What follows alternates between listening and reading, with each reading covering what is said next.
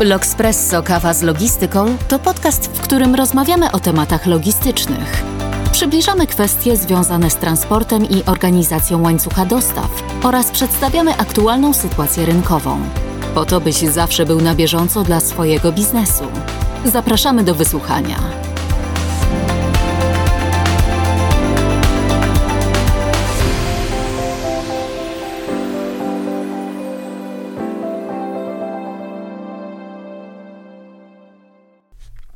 Cześć, z tej strony mikrofonu Oliwia, a moją dzisiejszą gościnią jest Dorota Olszewska, certyfikowana coach ICF, konsultantka i trenerka. Cześć Doroto. Cześć Oliwia. Y, zanim przejdziemy do głównej części dzisiejszej rozmowy, y, bardzo się cieszę, Doroto, że przyjęłaś moje zaproszenie. To ja bardzo zanim... dziękuję za zaproszenie. bardzo mi miło. Zanim przejdziemy do głównej części dzisiejszej rozmowy i zanim powiem w ogóle, o czym dzisiaj będziemy rozmawiać, kilka słów o mojej gościni. Mm, Dorota ma ponad 15 lat doświadczenia biznesowego w branży linii lotniczych, w obszarach sprzedaży i obsługi klienta w tym 7 lat na stanowiskach menedżerskich, a w swojej codziennej pracy skupia się przede wszystkim na dwóch obszarach: wdrażaniu rozwiązań podnoszących sprzedaż i jakość obsługi klienta oraz na pracy w zakresie zarządzania i przywództwa. E, korzystając z ogromu Twojego doświadczenia, Doroto, jest to taki pokaźny dorobek, chciałabym dzisiaj porozmawiać z Tobą o tym, e, co jest najważniejsze w szkoleniu logistyków i jak lepiej rozumieć aktualne potrzeby klienta, bo jak wiemy, one się zmieniają w czasie. Pracowałaś dla różnych branż, również współpracowałaś z Kynnagel, ale ze względu na charakter naszego podcastu chciałabym właśnie dopytać Ciebie o logistykę. Co jest najważniejsze w obsłudze klienta firmy logistycznej? No właśnie. Wiesz co, jak sobie o tym e, myślę, to nie wiem, czy to będzie takie, taka odpowiedź, jakiej tutaj y, się spodziewasz albo jakiej oczekujesz, ale tak naprawdę myślę sobie, że to, co jest najważniejsze w obsłudze klienta, to jest, y, słuchaj, tak naprawdę niezależne od branży. Oczywiście, e, Logistyka jest bardzo specyficzną branżą, zresztą no myślę, że jeszcze nie raz tutaj e, podkreślimy tą specyfikę, w, też e, odwołując się do większych konkretów, więc ona będzie jak najbardziej obecna w tej y, obsłudze klienta. Ale myślę sobie o tym, że y, y, to, co jest e, bardzo ważne, chyba najważniejsze w obsłudze klienta, to jest e, umiejętność zrozumienia potrzeb i umiejętność odpowiedzi na te potrzeby. I teraz oczywiście te potrzeby będą specyficzne w zależności od branży, prawda? Ale jeśli chodzi o samą obsługę, to ta umiejętność dotarcia do tych potrzeb, zrozumienia, okazania klientowi naszego zrozumienia jest tutaj po prostu kluczowa. A te umiejętności, te kompetencje, o których tutaj mówimy, czyli właśnie związane z tym, jak dotrzeć do tych potrzeb, w jaki sposób je rozumieć, jak okazywać to, że je rozumiemy, to jest coś takiego, co pewnie będzie niezależne, to, jest, to są kompetencje, prawda? Więc te kompetencje będą niezależne od branży. I ja tu bardzo lubię odwoływać się do takiego y, prostego modelu, ale on jest bardzo adekwatny i tak myślę sobie, że też porządkuje to, co ważne właśnie w tej obsłudze. Ten, ten, ten, to podejście, ten model nazywa się trójkątem satysfakcji. I on pokazuje, jakie są właśnie obszary potrzeb klienta i pozwala mi mieć taką świadomość, na ile ja rzeczywiście te obszary właśnie związane z tymi, z, z tymi potrzebami klienta, no jakoś zaspokajam. I te, te obszary to są najprościej rzecz biorąc obszary, takie bardzo, te, taki obszar zupełnie merytoryczny, tak? I tutaj będzie leżała ta specyfika branży logistycznej, prawda? Czyli złożoność usług, e, ta, ta, ta konkurencja, która jest w tej chwili, to, że te e, usługi są bardzo skomplikowane, prawda? One są współzależne, to jest czasami i też one mają ogromny wpływ tak naprawdę na kor działalności klienta, tak? To jest ta specyfika e, tych usług, to jest ta, ten obszar merytoryczny. A dwa, kolejne obszary to jest obszar tak zwanego procesu, czyli na ile ja umiem zmniejszyć wysiłek klienta w codziennej obsłudze, w relacjach z klientami, prawda? Na ile ja klientowi zapewniam taką obsługę, która sprawia, że z jego strony ten wysiłek jest minimalny, tak? Czyli, że zarówno w obszarze takim emocjonalnym, prawda, jak i fizycznym, związanym z jakością komunikacji, bieżącymi informacjami itd., tak itd., tak no i ten trzeci obszar to będzie ten obszar związany z relacjami, z budowaniem relacji, prawda? Taki psychologiczny, relacyjny. Na ile ten ktoś, ten mój klient czuje się dobrze w relacji ze mną jako osobą, która się nim opiekuje, czy właśnie obsługuje. I te trzy obszary to jest coś takiego, czyli ten obszar merytoryczny, moja wiedza, doświadczenie, wszystkie parametry mojej usługi, tak? Druga rzecz to jest to, to właśnie zmniejszanie wysiłku mojego jako klienta i trzecia jakość relacji, którą właśnie pracownik firmy logistycznej może budować. To jest to, co moim zdaniem jest kluczowe i tak jak powiedziałam, to będzie tak naprawdę niezależne od branży. Więc jeżeli my mamy kompetencje, żeby po pierwsze umieć dostrzec te potrzeby w tych trzech obszarach, a po drugie je zaspokoić, no to moim zdaniem to jest to, co jest potrzebne. Nie wiem, odpowiedziałam tutaj... na Twoje pytanie, tak? tak, tak, tak. Myślę, że, myślę, że zdecydowanie. Wiesz co, tutaj tak mi się wysunęły na pierwszy plan e, z tego trójkąta te potrzeby mery, merytoryczne, w sensie ten punkt merytoryczny, no i te psychologiczne, bo często się zdarza tak, że ktoś ma świetną wiedzę techniczną i merytoryczne przygotowanie, ale na przykład z tymi takimi miękkimi, że tak powiem, kompetencjami, z tym psychologicznym przygotowaniem i jakimś takim e, umiejętnością czytania tych emocji jest trochę gorzej. I jak wtedy ty sobie z tym radzisz jako szkoleniowiec, jak rozwijasz te kompetencje? Wiesz co, dla mnie właśnie ten model, o którym Ci powiedziałam, czyli ta, ta, ten taki trójkąt, tak? To jest właśnie e, takie narzędzie, które ja też pokazuję uczestnikom e, moich szkoleń jakby analizujemy sobie czasami ich własne doświadczenia jako klientów, analizujemy sobie, co było dla nich w określonym kontakcie z jakąś firmą, z jakimś usługodawcą ważne. I wtedy bardzo często okazuje się, że na przykład powodem braku satysfakcji, powodem braku zadowolenia z jakichś tam usług było nie to nawet, że nie wiem, buty się okazały nietrwałe, prawda? Tylko sposób, w jaki ten usługodawca odniósł się do naszej reklamacji. I wtedy ten sposób pracy, kiedy my się po prostu zamieniamy troszeczkę perspektywą, kiedy wchodzimy, no przypominamy sobie, wchodzimy w te buty klienta, prawda? Oczywiście tak, jako, jako my, prawdziwe osoby, czyli to nie będą pewnie usługi logistyczne, tylko będą zupełnie inne usługi. Ale kiedy my sobie zdamy sprawę, że dla nas ważne jest to, jak ktoś reaguje, jak się zachowuje, w jaki sposób okazuje zainteresowanie, prawda? To wtedy łatwiej jest nam również zrozumieć, że podobnych rzeczy potrzebuje nasz klient. I myślę sobie, że taka, wiesz, tak, tak naprawdę to to się nazywa umiejętność empatii poznawczej, tak? Więc jakby my na szkoleniach pracujemy również nad tym, w jaki sposób możemy rozwijać w sobie umiejętność empatii poznawczej. A to jest nic innego niż umiejętność spojrzenia z perspektywy innej osoby. Bo empatia nie jest tym, czy, co się kojarzy większości osób jako jakieś, nie wiem, współczucie czy współodczuwanie emocji. To nie o to chodzi w biznesie, prawda? W biznesie chodzi bardziej o to, żeby umieć popatrzeć z perspektywy swojego klienta i wtedy łatwiej jest zrozumieć, czego on potrzebuje, prawda? Bo jeżeli my patrzymy ze swojej perspektywy, to nie wszystko jest dla nas tak czytelne. Więc ja w ten sposób pracuję, że, że jakby staram się pokazać tą drugą perspektywę, daję taką przestrzeń do doświadczenia, prawda? Takiej sytuacji, w, kiedy jesteśmy w roli klienta i wtedy właśnie te trzy e, mm, obszary stają się bardziej takie namacalne i rzeczywiste. Mhm. Mówiłaś o tym, że to jest, ta obsługa klienta jest raczej taka jednakowa dla wszystkich branż, że pewne są takie elementy, które są takie uniwersalne. A tutaj chciałabym też zapytać, czy zauważyłaś może, z jakimi problemami mierzy się właśnie logistyk w relacjach sprzedażowych? Czy jest coś takiego, e, nie wiem, taka trochę może pięta achillesowa, albo coś, co po prostu jest takim częstym problemem, e, który utrudnia jakoś tę empatię i to dotarcie do tych potrzeb? Mhm. E, I, ja też jeszcze e, na chwilkę wrócę do tego, do, do tego naszej wcześniejszego, e, do tego wcześniejszego pytania, bo jakby chcę powiedzieć, że to nie jest tak, że, ta, że ja myślę, że ta obsługa jest taka sama, tylko bardziej chodzi mi o to, że umiejętności, prawda, żeby dobrze obsługiwać, są podobne. Te kompetencje, które trzeba mieć, i rozwijać są podobne, prawda? Natomiast oczywiście ten, ten, to, prawda, to, czym się zajmujemy, jest oczywiście absolutnie specyficzne. A wracając do Twojego pytania, czyli teraz jakby rozumiem, że pytasz mnie o coś podobnego, tylko już teraz bardziej dotykamy tych relacji związanych ze sprzedażą usług logistycznych, prawda? Tak?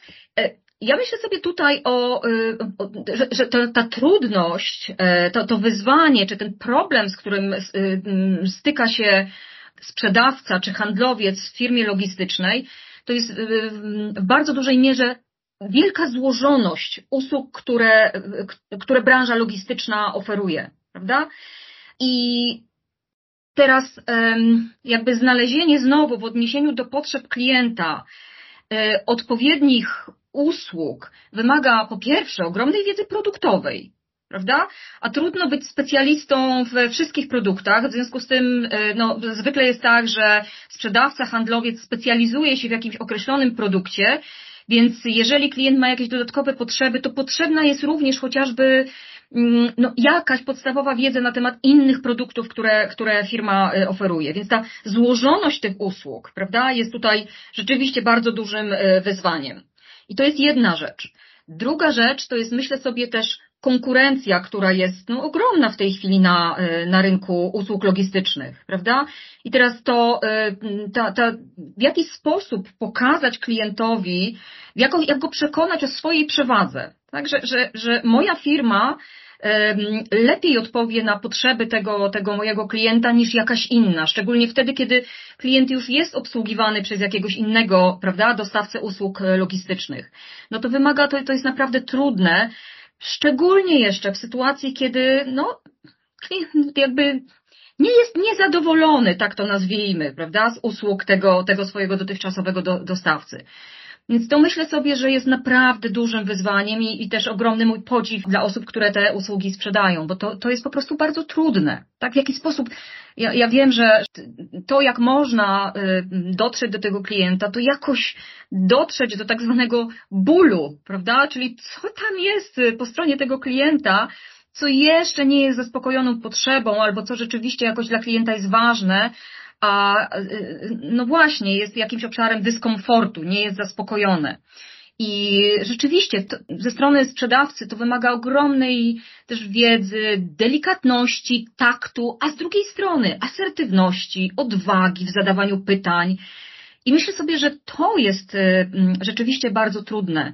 Tak, w, takim, w, takim, e, w takiej codziennej pracy handlowca. Jak z jednej strony y, być asertywnym, dociekliwym, a z drugiej strony taktownym, no i takim nie wchodzącym zbyt, y, prawda, bo to też zależy od tego, też od osobowościowych, osobowościowych cech mojego klienta, na ile on będzie chciał się ze mną dzielić tymi swoimi, prawda, potrzebami. Myślę sobie, że to jest bardzo trudne, prawda, czyli po pierwsze, to ta, ta, ta kompleksowość, skomplikowanie usługi, z drugiej strony, no właśnie ta konkurencja, a co za tym idzie, jak przekonać, że to właśnie my najlepiej odpowiemy na te, na te potrzeby. Przychodzi mi do głowy jeszcze jedna rzecz, już na późniejszym etapie współpracy, kiedy już się uda klienta przekonać. Myślę sobie, że takim wyzwaniem, a może nawet takim obszarem takiego trochę może nawet nazwałabym to stresu handlowca, jest to, na ile my będziemy w stanie rzeczywiście dotrzymać tych obietnic, które ja w procesie sprzedaży klientowi złożyłam, prawda? Czyli na ile już ta, ta, ta nasze operacje już wtedy rzeczywiście, że tak powiem, dowiozą. A jak dobrze wiemy. Czyli, żeby nie, nie obiecywać gruszek na wierzbie. To z jednej strony, a z drugiej strony, nawet jeżeli nie obiecaliśmy gruszek na wierzbie, to wiemy o tym, że w usługach logistycznych często wiele rzeczy jest po prostu poza kontrolą i, prawda, po prostu się dzieją same. W związku z tym, no taka, taka obawa, e, prawda, na ile rzeczywiście, przynajmniej na początku tej współpracy, wszystko pójdzie tak, jakbyśmy chcieli, żeby poszło, prawda? To jest, e, więc taka też odporność psychiczna handlowca tutaj też jest pewnie, no, wyzwaniem. Tak to widzę. No właśnie, Doroto, jak już wspomniałaś o tej odporności psychicznej, e, no to to jest taki dość, e, wydaje mi się, że to jest cecha taka bardzo ważna u logistyków. Właśnie zwłaszcza e, ze względu na to, że wiadomo, że niestabilne łańcuchy dostaw i tak dalej, wiadomo, że w czasie się to zmienia ale moje pytanie tutaj brzmi, jakie, czy, czy, czy, tej odporności psychicznej można się nauczyć? Czy ją można jakby wytrenować e, właśnie w procesie szkoleń? Czy to jest tak, że ktoś już to ma dane i się nadaje na logistyka, bo nie wiem, ma, jak to mówią, twardą psychikę. E, więc, więc moje pytanie do ciebie, czy da się to po prostu wyćwiczyć? Jakie kompetencje są wrodzone? a które można faktycznie, nad którymi można pracować? Jakie jest Twoje zdanie na ten temat? To jest świetne pytanie. Znaczy, ja się odniosę tutaj do, do tego, jak zapytałaś, jakie kompetencje są wrodzone, jakie można y, rozwinąć, to odniosę się tutaj w odniesieniu do tej odporności psychicznej, o, o, o którą pytasz, prawda? Um, więc tak, Dobra wiadomość jest taka, tak, odporność psychiczna to jest kompetencja, a, ja, a ponieważ to jest kompetencja, to jak każdą kompetencję można ją rozwinąć. Powiem od razu, nie jest to łatwe, nie jest to szybkie, ale to jest jak najbardziej możliwe w toku czy szkoleń, czy jakiegoś indywidualnego własnego rozwoju, no i oczywiście e, w toku doświadczenia, tak? Jeżeli doświadczenie, które, które zdobywam każdego dnia, jakoś jest poda, podda, poddawane przeze mnie jakiejś świadomej refleksji, to mam taką szansę, żeby wyciągać z tego doświadczenia e, takie elementy, które będą budowały moją odporność psychiczną. Więc to jest ta dobra wiadomość. A teraz z drugiej strony, z drugiej strony to jest tak, że rzeczywiście jednym osobom będzie łatwiej tą odporność, y, y, po pierwsze, ten poziom wyjścia, że tak powiem, poziom, z którego wychodzimy, będzie różny dla nas. Czyli będzie tak, że niektórzy z nas jakby na wejściu mają tę odporność psychiczną mniejszą, a niektórzy większą. Czyli jedni mówiąc potocznie, bardziej się przejmują, bardziej biorą do siebie, bardziej się stresują w takich wymagających sytuacjach, a są takie osoby, po których znowu mówiąc bardzo potocznie, niektóre rzeczy spływają jak po kaczce, prawda?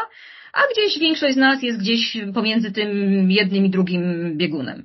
Więc no znowu, jesteśmy na, tak, mamy różnie i to będzie zależało od naszych wrodzonych cech charakteru, temperamentu, w psychologii mówi się o takich, tak zwanej wielkiej piątce, czyli takich ce, pięciu cechach osobowości, które są wrodzone, które są niezmienne. Oczywiście one jakoś będą, w zależności od naszych, y, naszych doświadczeń życiowych, odrobinę modyfikowane, ale zasadniczo mówi się, że one są niezmienne.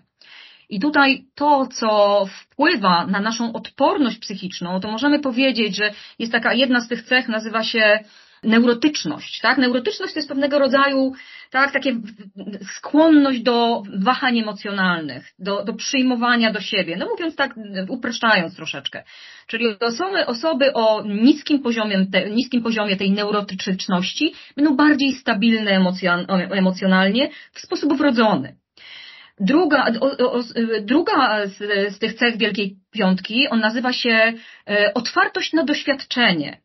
I znowu tutaj z kolei można powiedzieć, że ta otwartość na doświadczenie to jest taka nasza cecha charakteru, która sprawia, że jesteśmy skłonni interpretować różne rzeczy, które się nam przydarzają, raczej jako pewnego rodzaju wyzwanie, z którym można się zmierzyć i które można z satysfakcją, prawda, z którym, któremu można z satysfakcją sprostać i wyciągnąć z niego dla siebie jakąś lekcję, a osoby, które będą miały niższy poziom tego i tej otwartości na doświadczenie, będą raczej skłonne obawiać się różnych wyzwań czy takich trudnych sytuacji. Więc jak widzisz tutaj, no, to chociażby te dwie cechy tutaj będą nas jakoś predestynować w różny sposób do tego, żeby, żeby radzić sobie lepiej lub też gorzej z, z tymi trudnymi sytuacjami. Ale, i znowu, teraz tutaj do tego pozytywnego, to naprawdę można rozwijać. I teraz, jak to robić? Po pierwsze, pamiętając o tym, że praca jest tylko jednym z obszarów naszego życia. Czyli umieszczając to, co robimy w odpowiedniej perspektywie. I teraz temu służą, e, no oczywiście, można sobie tak powiedzieć i teraz jakbyśmy sobie, wiecie, jak, wiesz, jak każdy tego będzie słuchał, to może powiedzieć, ej, ale to przecież jest oczywiste. Ale jak troszkę byśmy sobie dłużej o tym pomyśleli, jakbyśmy sobie zrobili taki rachunek sumienia trochę, ile my czasu poświęcamy na różne obszary w naszym życiu? Ile te obszary w naszym życiu, które są dla nas ważne, zabierają naszej energii psychicznej i emocjonalnej. Prawda?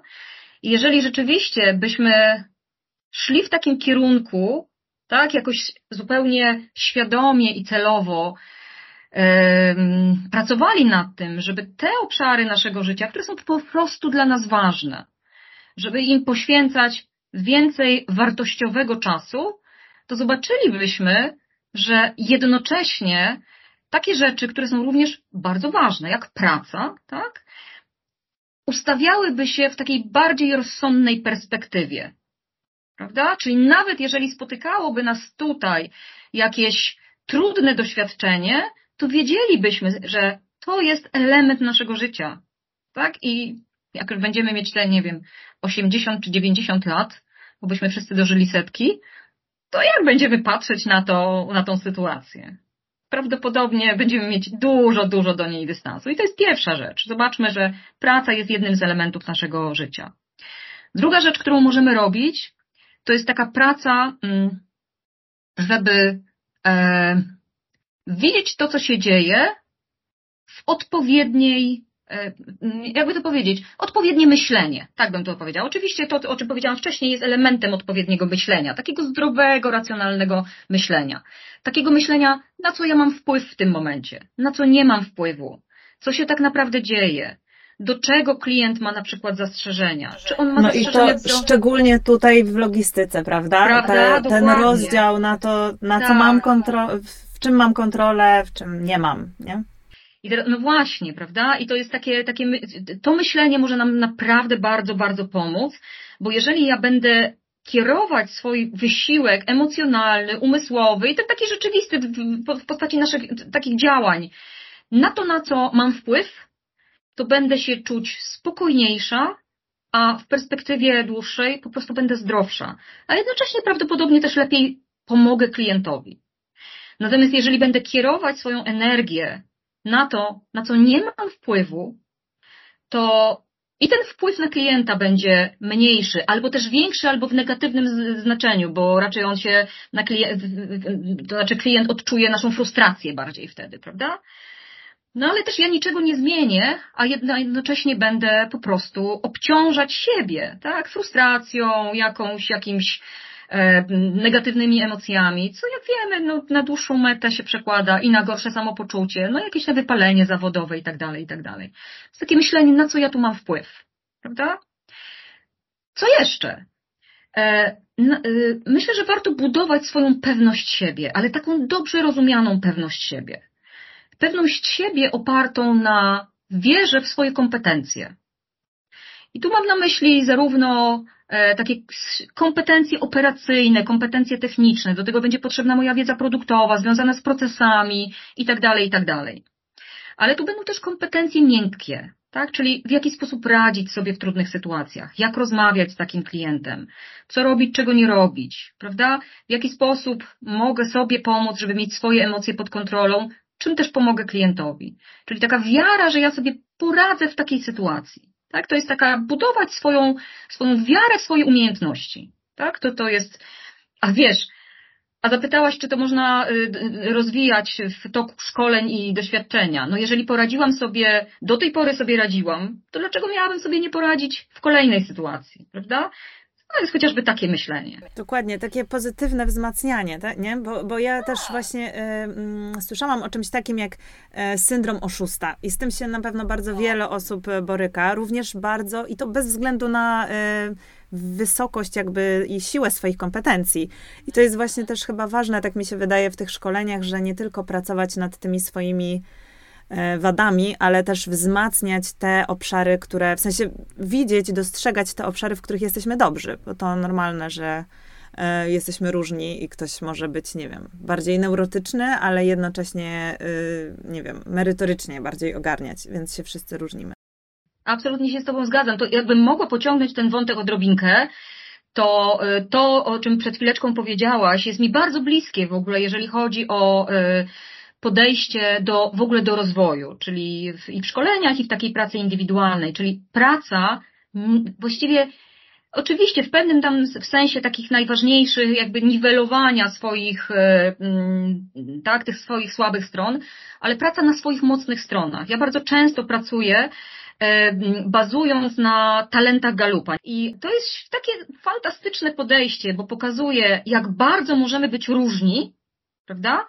A jednocześnie pokazuje, że każda z tych ścieżek, takich stałych sposobów, w jaki my myślimy, odczuwamy, działamy, jest potencjałem. Jest potencjalnym naszym talentem, potencjalnym naszym, no, potencjalną naszą mocną stroną i że my możemy być dobrzy w tym, co robimy, będąc jednocześnie różni od siebie. Czyli jak pytałaś wcześniej na przykład o, e, o, o te problemy, czy trudności, czy wyzwania, na przykład w sprzedaży usług logistycznych, tak?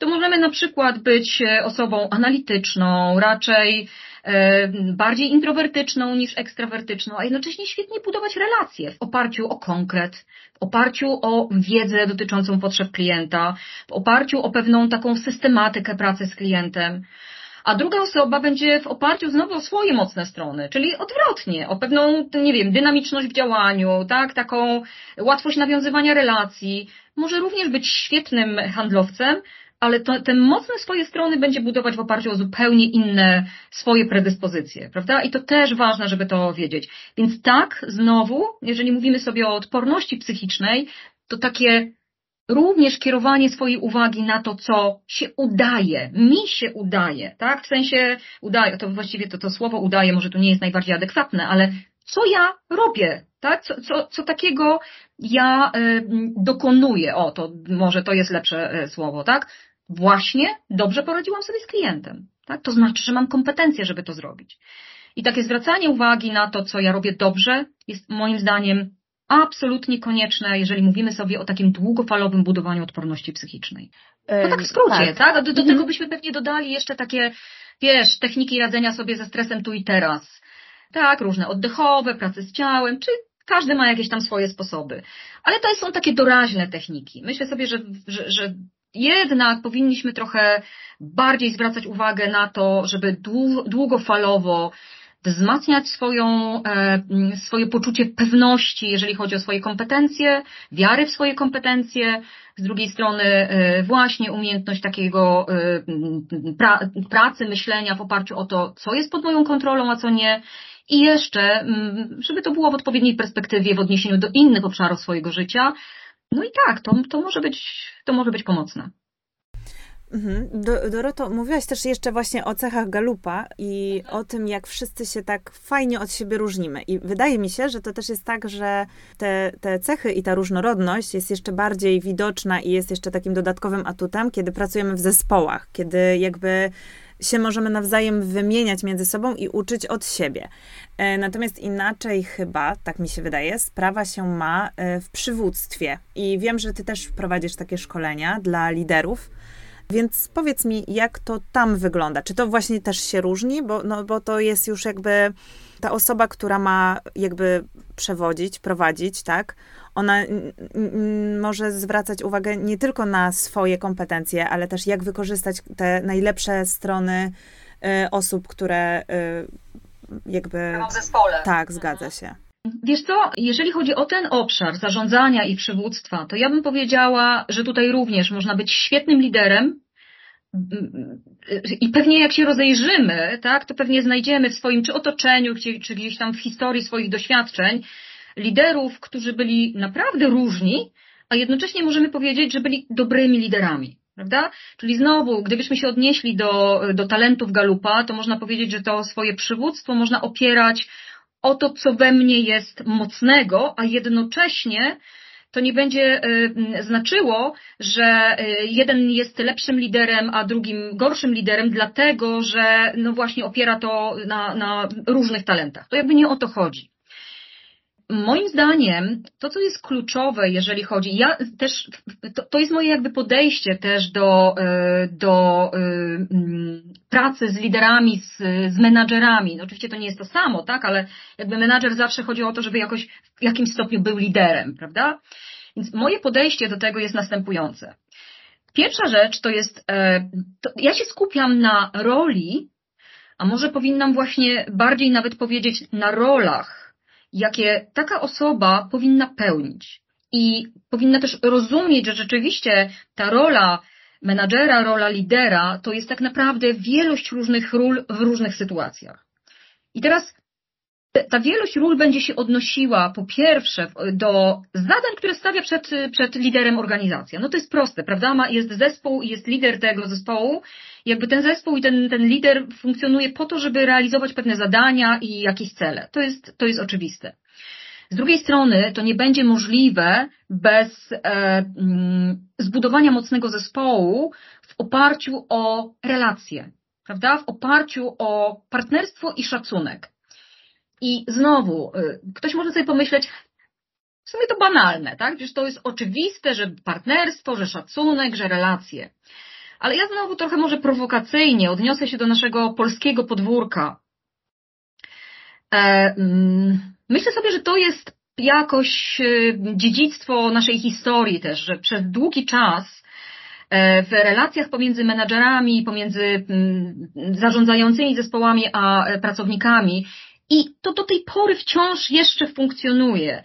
Była pewna daleko idąca hierarchiczność, rozumiana w ten sposób, że ja tu jestem od zarządzania, a moi pracownicy są od tego, żeby słuchać moich poleceń. Nawet niektórzy określali ten typ kultury organizacyjnej mianem, to nie będzie y, przyjemnie brzmiało, kultury folwarcznej. Czyli na takiej zasadzie, że wiesz, mamy pana i mamy tak, tych, którzy mają tam pracować na rzecz tego pana, tak? Zresztą popatrzmy, jak sobie popatrzymy na różnych, na postaci e, publiczne, na przedstawicieli dużego biznesu, zresztą, którzy osiągnęli też daleko idący sukces biznesowy, ja tego absolutnie im nie odmawiam, tak? To oni często mają pretensje, że ktoś nie odbiera telefonu po godzinie 16, że przecież jak ci ludzie chcą robić kariery i chcą się rozwijać, to przecież oni muszą się zaangażować i rozumieją przez to, że wiesz, to będzie taka osoba, która będzie do dyspozycji organizacji 24 godziny na, na dobę. No nie. I teraz jak my sobie myślimy też, jakie pokolenie co teraz, prawda, już nie wchodzi, tylko weszło na rynek, tak? To to nie jest pokolenie, które będzie do dyspozycji e, organizacji 24 godziny na dobę. I jakby w ten sposób lider nie będzie w stanie efektywnie zarządzać osobami z tego pokolenia. A pamiętajmy, że coraz częściej właśnie osoby z tego pokolenia najmłodszego będziemy mieć w zespołach, a niedługo to będzie cały nasz zespół, tak? I jeżeli będziemy chcieli rzeczywiście realizować cele organizacji, cele, które są stawiane przed zespołem, to rolą lidera będzie zrozumienie co motywuje te osoby. Tak? Czyli dostrzeżenie, że tak naprawdę ta relacja jest pewnego rodzaju partnerską wymianą. To znaczy, e, pracownik oferuje swoją wiedzę, umiejętności i zaangażowanie, a pracodawca po prostu kupuje tą wiedzę, umiejętności i, za, i e, to zaangażowanie pracownika. To wydaje się brzmieć bardzo merkantylnie, prawda? Ale tak nie jest tak? Jeżeli my zrozumiemy, że to jest partnerska wymiana, prawda? To dużo łatwiej będzie też kształtować te relacje, będzie też myśleć, dużo łatwiej też takiemu liderowi będzie myśleć o tym, w jaki sposób zbudować taką ludzką relację.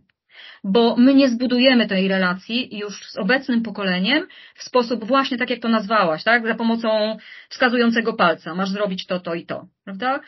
Mm, no więc, tak jak powiedziałam, no moje podejście do pracy z mm, liderami jest takie. Pracownik jest Twoim partnerem. Ty oczywiście masz prawo oczekiwać różnych rzeczy i to wynika z Twojej roli. Potrzebne Ci są pewne narzędzia, takie jak delegowanie zadań, takie jak egzekwowanie, takie jak, no, to, to, to należy do roli lidera. Ale zasadniczo ta relacja jest relacją partnerską, relacją wymiany. Prawda? W związku z tym, ty po pierwsze musisz rozumieć tę rolę, po drugie umieć budować tą relację, a za tym dopiero idą narzędzia i umiejętności, prawda? Narzędzia, czyli wszystkie narzędzia komunikacyjne, wszystkie narzędzia związane z procesem delegowania zadań, z dawaniem feedbacku, z, wszystkie te, które wynikają z roli menadżera. Narzędzia to jest zawsze pochodna. Pierwsze to jest postawa i rozumienie swojej roli. Jakby tak sobie o tym myślę tak też e... pracuję zarówno indywidualnie, jak i zespołowo. Mhm.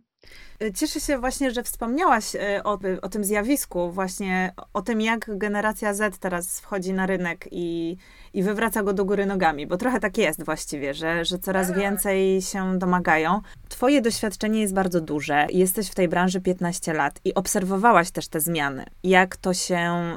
Yy, czy to jest właśnie, czy to jest ewolucja, czy to jest rewolucja? Jak to, jak to widzisz? Czy, czy, ta, czy to młode pokolenie dopiero teraz tak się zaczęło domagać tego? Czy wcześniej już jakby wiesz, te szkolenia, które prowadziłaś, te kompetencje y, liderskie, czy one były ukierunkowane dopiero od jakiegoś czasu na to, żeby to ba bardziej budować to partnerstwo? No bo tak sobie wyobrażam, że ta folwarczność dość długo pokutuje, prawda? Nadal jeszcze ale kiedy to się zaczęło zmieniać? Kiedy to partnerstwo zaczęło wypierać tak bardziej już? Wiesz co, ja bym powiedziała, że e, ze strony to jest i ewolucja, i rewolucja. Bo tak zastanawiam się, wiesz, od czego zacząć odpowiedź na Twoje pytanie. To jest i ewolucja, i rewolucja. Ewolucja w takim sensie, że ja od kiedy pamiętam, prowadzę już szkolenia, które się nazywają różnie prawda, pokolenia na rynku pracy, czy zarządzanie mm, tam mm, różnorodnością, rozumianą jako różnorodność pokoleniowa. Naprawdę tego rodzaju y, szkolenia prowadzę już od bardzo dawna, myślę, że od kilkunastu lat. I e, mm, tylko mam wrażenie, że przez długie lata e, to było jakoś, z jednej strony uczestnicy moich szkoleń mówili tak, rzeczywiście my widzimy, to się zmienia, ale tak naprawdę w rzeczywistości nikt nie zauważał, że to się naprawdę zmienia. Dopiero kiedy tych przedstawicieli pokolenia Z zaczęło być coraz więcej w naszych zespołach, prawda? Czy kiedy, czy kiedy oni czasami sta, zaczęli stanowić większość naszego zespołu, albo czasami właśnie to, to już jest cały zespół, to nagle się okazało, nagle to, to, to docierało z całą mocą, że jakoś nie umiemy sobie z tą różnorodnością poradzić. Więc e, dla tych, e, dla tych osób, które zostały tym faktem zaskoczone, to rzeczywiście się wydaje, że to jest rewolucja. Ale tak naprawdę, jeżeli ktoś e, jakoś od dawna to zauważał, jakoś dostrzegał tą zmianę demograficzną, ale jednocześnie taką kulturową, można powiedzieć, prawda? To mógł się do tego przygotować, prawda? Mógł też no jakoś sprawić, że dla niego czy dla niej jako przełożonego, przełożonej zespołu to była zmiana bardziej ewolucyjna. Więc powiedziałabym, że to, to właśnie to zależy. To tak samo widać zresztą po, po jakby e, po, po, po organizacjach, prawda? Jedne organizacje wciąż jeszcze funkcjonują, jeszcze w tym stanie przychodzą i wszystko im się należy, tak? A drugie funkcjonują już ok. Jakby tak wyglądają osoby, które będziemy teraz coraz częściej przyjmować do pracy. Jak my możemy odpowiedzieć, w jaki sposób my możemy odpowiedzieć na te potrzeby, które te osoby e, e, mają przychodząc do pracy, prawda? I to też tak, mo można obserwować, że dla, dla, dla, nie tylko dla, dla liderów, ale też dla całych organizacji to może być rewolucja albo ewolucja, w zależności od tego, e, jak dawno zauważyły, że to jest potrzeba, do której się należy zacząć przygotowywać. Niektóre organizacje jeszcze nawet nie zaczęły. Wciąż są no zdziwione, wciąż są no. zdziwione, że, tak, że to się dzieje. Co nawet mnie zaskakuje, muszę ci powiedzieć. Tak, no tak, właśnie, że nagle się budzą, że, że taka zmiana nastąpiła, nie? Tak.